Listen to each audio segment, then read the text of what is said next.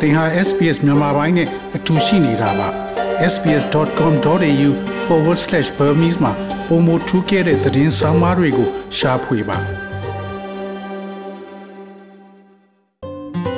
SBS မြန်မာပိုင်းကို အင်ကာနဲ့စနေနေ့ည10:00နာရီမှနားဆင်နိုင်တယ်လို့အွန်လိုင်းကနေလည်းအချိန်မီနားဆင်နိုင်ပါပြီ။ ဒီကနေ့ဟာ85နှစ်ပြည့်စိန်ရတုပြည်တောင်စုနေ့ပဲဖြစ်ပါတယ်။စကလုံးရအနှစ်သာရပြေဝလာတဲ့ဒီနေ့ဟာတပြည်တောင်လုံးရဲ့တိုင်းရင်းသားတွေသွေးစည်းညီညွတ်မှုကိုပြသစေတဲ့အထိတ်အမှတ်နေ့တစ်ခုလို့လည်းသတ်မှတ်ခဲ့ကြတာပါ။ဒါပေမဲ့လက်ရှိကာလမှာတော့ပြည်ထောင်စုနေ့ကိုစစ်အာဏာသိမ်းကာလအတွင်းမှာပဲနှစ်နှစ်တာဖြတ်တန်းခဲ့ရပါပြီ။ မြေပြန့်တဲ့တောင်ပေါ်စီလုံးညီညွတ်ရေးအတွက်ပိုချုပ်အောင်ဆန်းနဲ့တောင်နန်းဒေသကိုယ်စားလှယ်22ဦးလက်မှတ်ရေးထိုးခဲ့ကြတဲ့ပင်လုံစာချုပ်ရဲ့သဘောတဘာဝဟာလည်းအတိတ်ပဲမဲ့ခဲ့ရသလိုဖြစ်နေပါပြီ။အာနာသိန်းစစ်ကောင်စီရဲ့အကြမ်းဖက်မှုတွေတိုင်းရင်းသားဒေသအသီးသီးကြားဖြစ်ပွားခဲ့တဲ့နှစ်ပေါင်း80ကြာပဋိပက္ခတွေကြားမှာလည်းတနိုင်ငံလုံးနှိပါစစ်ပေးရှောင်ဖြစ်ခဲ့ရတာပါ။ဒီလိုစစ်ပေးရှောင်တွေထဲမှာတော့လွတ်လပ်စွာပညာသင်ကြားခွင့်မရတော့တဲ့ကလေးငယ်များစွာရှိနေပါတယ်။ အဲ့ဒီထဲမှာကရင်ပြည်နယ်ကငင်းချမ်းရေးမြို့ဒေသခံကလေးငယ်တွေလည်းအပါအဝင်ပါလေကကောပေါ့နော်ပြန်လာဆိုတာကိုကလေးတွေပညာရေးအတွက်ကိုပြန်လာတာပေါ့နော်စီးပွားရေးမပါဘူးပေါ့ပညာကိုဘလို့ပဲနေရနေရကိုကလေးပညာရေးစာတက်မယ်ပညာရေးတက်မယ်သူများမနှိမ့်ချဘူးပေါ့အဲ့လိုဆက်အတွင်းမျိုးနဲ့ကိုပြန်လာခဲ့တာဒီပေါ့ကြီးစိုးကလေးဆို73နှစ်ကျောင်း၄တန်းနဲ့ထွက်ထားတယ်ကိုဗစ်တွေဖြစ်တော့ရင်လေကိုဗစ်ကာလမှာကျောင်းမနေရဘူးနှစ်တွေအောက်တာနှစ်နှစ်သုံးနှစ်ရှိနေခုခုနှစ်နဲ့ဆိုရင်အဲ့ဒါကျောင်းတွေမတက်ရတော့ခုအငယ်ဆုံးကလေးကကျောင်းမတက်ရဘူးဆိုတော့နာမည်တော့ကောင်းကောင်းမဖတ်တတ်ဘူး အသက်သာ73နှစ်ပြည့်တာခုနောက်နှစ်တွေမှာပြန်ထားမှဆိုလဲခလေးကလူပြပေါက်ဖြစ်နေပြီတက်မှလည်းမဟုတ်တော့ဘူးဖြစ်နေတယ်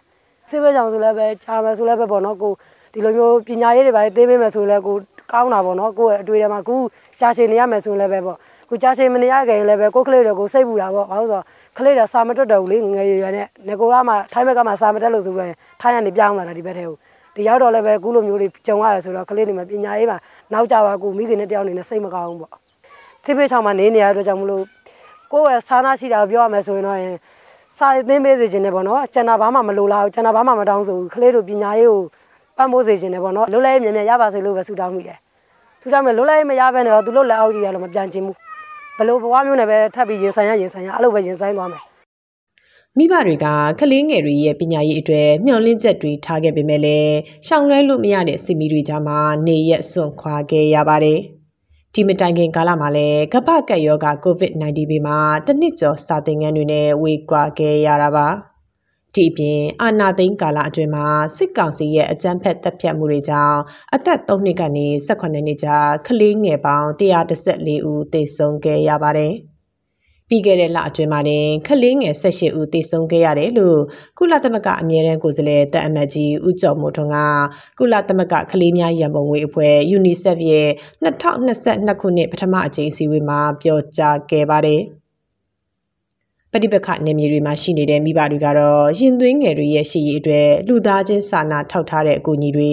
ကျန်းမာရေးစောင့်ရှောက်မှုတွေနဲ့ပညာရေးဝန်ဆောင်မှုတွေလိုအပ်နေတယ်လို့ဆိုကြပါတယ်။ ပညာရေးကကိုဗစ်နဲ့ဆိုတော့သူတို့မနေရတော့ဘူးပေါ့အကြီး15နှစ်ကအကြီးက၄တန်းမတက်ရတယ်၄တန်းတက်ပြီးတဲ့ကိုဗစ်အခု2နှစ်ဖြစ်လိုက်တော့မတက်ရတော့ဘူးနောက်ဟိုအခုဘယ်နှစ်တော့9နှစ်ကလေးက2တန်းမတက်ရတယ်အခုပညာတွေအခုသူတို့ဟိုမှာအဲ့ဒီမှာသင်ပေးတဲ့ပညာကြတော့လဲဟိုသတင်းကြသည်သတင်းကြဆိုမတက်ရဲဘူးလေမထားရဲဘူးပေါ့အဲ့လိုမျိုးပေါ့နောက် သူတို့ကပတ်စံနဲ့ဗာနဲ့ဆိုတော့လေကိုကပတ်စံအခက်ခဲဖြစ်တယ်လေဘာဖြစ်လို့မိဘတယောက်ပဲလှုပ်ကြွေးနေရတယ်ကျမတယောက်ပဲဆိုတော့ဒီကလေးတွေကိုလှုပ်လက်လှုပ်ကြွေးရမယ်ပညာကိုလှုပ်နေဖြစ်ရမယ်ဆိုတော့သူတို့ကတော့ရတယ်လာထားပေးပေါ့နော်ဒီပတ်စံတော့ကိုမပူနဲ့ဆိုတော့ကိုလည်းမထားရဲဘူးအဲ့လိုဟိုဒီနိုင်ငံရေးကြောက်ကိုကြောက်တယ်လေကြောက်တော့ပြေးရလွှားရဲဆိုရင်ကလေးတွေနဲ့တကွဲစီဖြစ်မှာကြောက်လို့ဒီဟာကြီးပြီးဆုံးသွားရင်တော့ဒီလိုမျိုးပေါ့နော်သူတို့အသက်လေးတွေမကြီးသေးရင်တော့ပညာရေး ဖြစ်စေချင်တာပေါ့နော်ပညာရေးပဲသူတို့ဟိုနေဖြစ်စေချင်တာပေါ့မအေးအခုဟိုနော်ဝယ်လွန်သွားပြီဆိုချင်းသူတို့ပညာရေးတက်သွားမယ်ဆိုလို့ချင်းသူတို့မနိုင်မနှင်းတော့ဘူးပေါ့နော်သူများကအဲ့လိုမျိုးလေးတွေဖြစ်လို့ချင်းသူတို့ပညာရေးနဲ့သူတို့လောက်စားတဲ့အောင်လို့ပေါ့နော်2014တကောင်စီအရာကြိုက်ပွဲတွေဖြစ်ပွားခဲ့တဲ့ကချင်ကရင်နဲ့ရှမ်းပြည်နယ်မြောက်ပိုင်းဒေသတွေကကလေးငယ်တွေဟာအသက်73နှစ်မှာစာသင်ခန်းကိုစွန့်ခွာမှုရာဂိုင်းလုံးများတယ်လို့ဖော်ပြထားပါတယ်။ ပညာရေးဆိုင်ရာအဖွဲ့အစည်းတွေရဲ့အာဏာသိမ်းကာလအချက်အလက်ကောက်ယူရရှိမှုမှာတော့လက်ရှိပြည်ပခါတွေကြမှာကလေးငယ်စုစုပေါင်းရဲ့30ရာခိုင်နှုန်းခန့်သာစာဆက်လက်တင် जा နိုင်တယ်လို့ဖော်ပြထားတာပါဒီ30ရာခိုင်နှုန်းဟာလည်း online ကိုအသုံးပြုပြီးအဆင်ပြေတဲ့လောက်သာလေ့လာနေကြရတာပါပြီးခဲ့တဲ့ဒီဇင်ဘာလအတွင်းတိုက်ပွဲတွေပြင်းထန်ခဲ့တာကြောင့်စစ်ဘေးရှောင်ခဲ့ရတဲ့လေးကစ်ကောဒေတာကန်တွေထဲမှာလည်းကလေးငယ်အများစုရှိနေပါတယ် လက်ရှိအချိန်ထိမှာပဲစစ်ရှောင်းအိမ်အောင်စု1360ဝန်းကျင်ထဲမှာ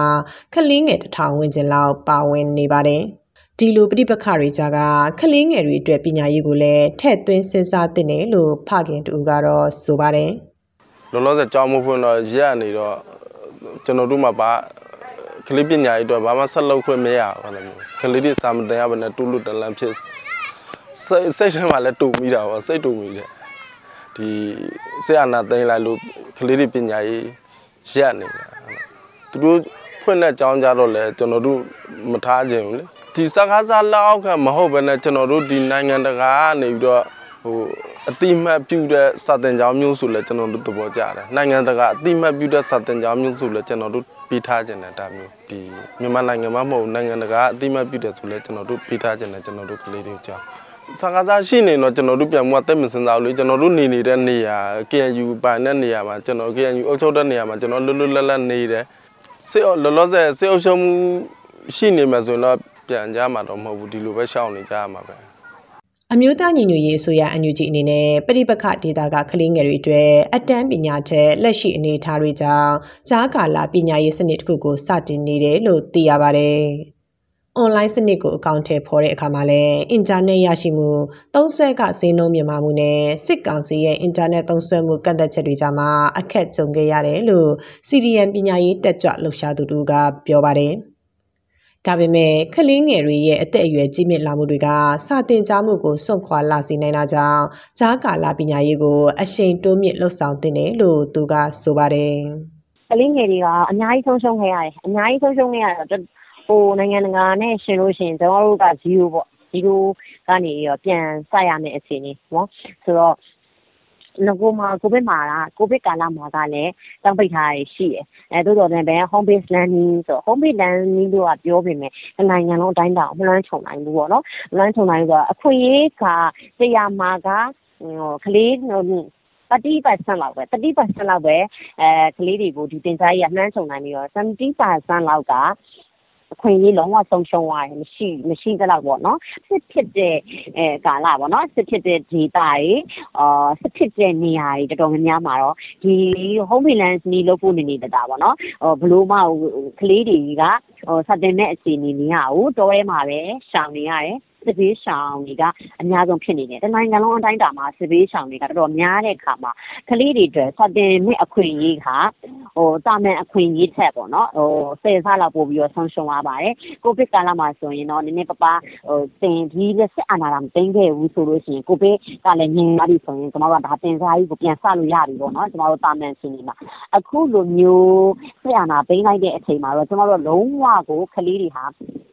နော်တာမန်ချက်ကိုပေါ့နော်တာမန်ချက်ကိုပို့ပြီးတော့နောက်ကျပြီးတော့ဟိုစတင်တဲ့အခွင့်အရေးတွေဆုံးရှုံးခဲ့ရပါတယ်ကလေးငယ်တွေရဲ့အခြေခံပညာရေးပြည့်ဝမှုတွေဟာနိုင်ငံတနိုင်ငံတိုးတက်ရေးအတွက်အခြေခံအုတ်မြစ်တစ်ခုဖြစ်တယ်လို့ဆိုကြပါတယ်။လက်ရှိမြန်မာနိုင်ငံအတွင်းကကလေးငယ်အများစုကတော့စုပေါင်းတက်ရောက်ရတဲ့စာသင်ခန်းတွေကစားကွင်းတွေကိုတွားရောက်နိုင်ဖို့မလွယ်ကူလာပါဘူး။ မိသားစုနဲ့အေဂျင့်စွာအတူနေဖို့လွတ်လပ်စွာစော်ကစားဖို့နဲ့အခြေခံသိထားတဲ့ပညာရေးဆိုင်ရာတွေကိုလေ့လာဖို့အရေးမှာတော့အခက်အခဲတွေအများပြားကြုံတွေ့နေရစေပါ။ဒီအခြေအနေတွေကရုံထွက်နိုင်မှသာအတက်ပညာကိုအသုံးချနိုင်သူတွေတောင်ပေါ်မြေပြန့်ဒေသအတွက်အားကိုးရတဲ့ကလေးငယ်တွေပေါ်ထွန်းလာမယ်လို့ဒေသခံမိဘတွေကတော့ယုံကြည်နေကြပါတယ်။ဒီသတင်းဆောင်မကိုတန်လွင်ခက်ကပေးပို့ထားတာဖြစ်ပါတယ်။ SBS Radio App ကို download လုပ်ပြီးနားဆင်မှတ်ချက်ပြုနိုင်ပါတယ်။ဒါရိုက်သို့မဟုတ်အချိန်မီနားဆင်နိုင်ပါပြီ။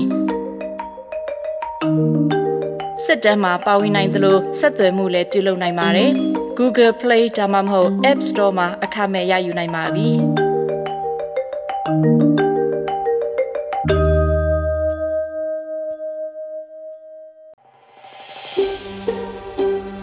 ဒါမျိုးသတင်းဆောင်မတွေကိုပိုနားဆင်လိုပါလား Apple Podcast Google Podcast Spotify တို့မှာသင်ပင်ရာဖြစ်ဖြစ်ရယူတဲ့ podcast ကနေပါ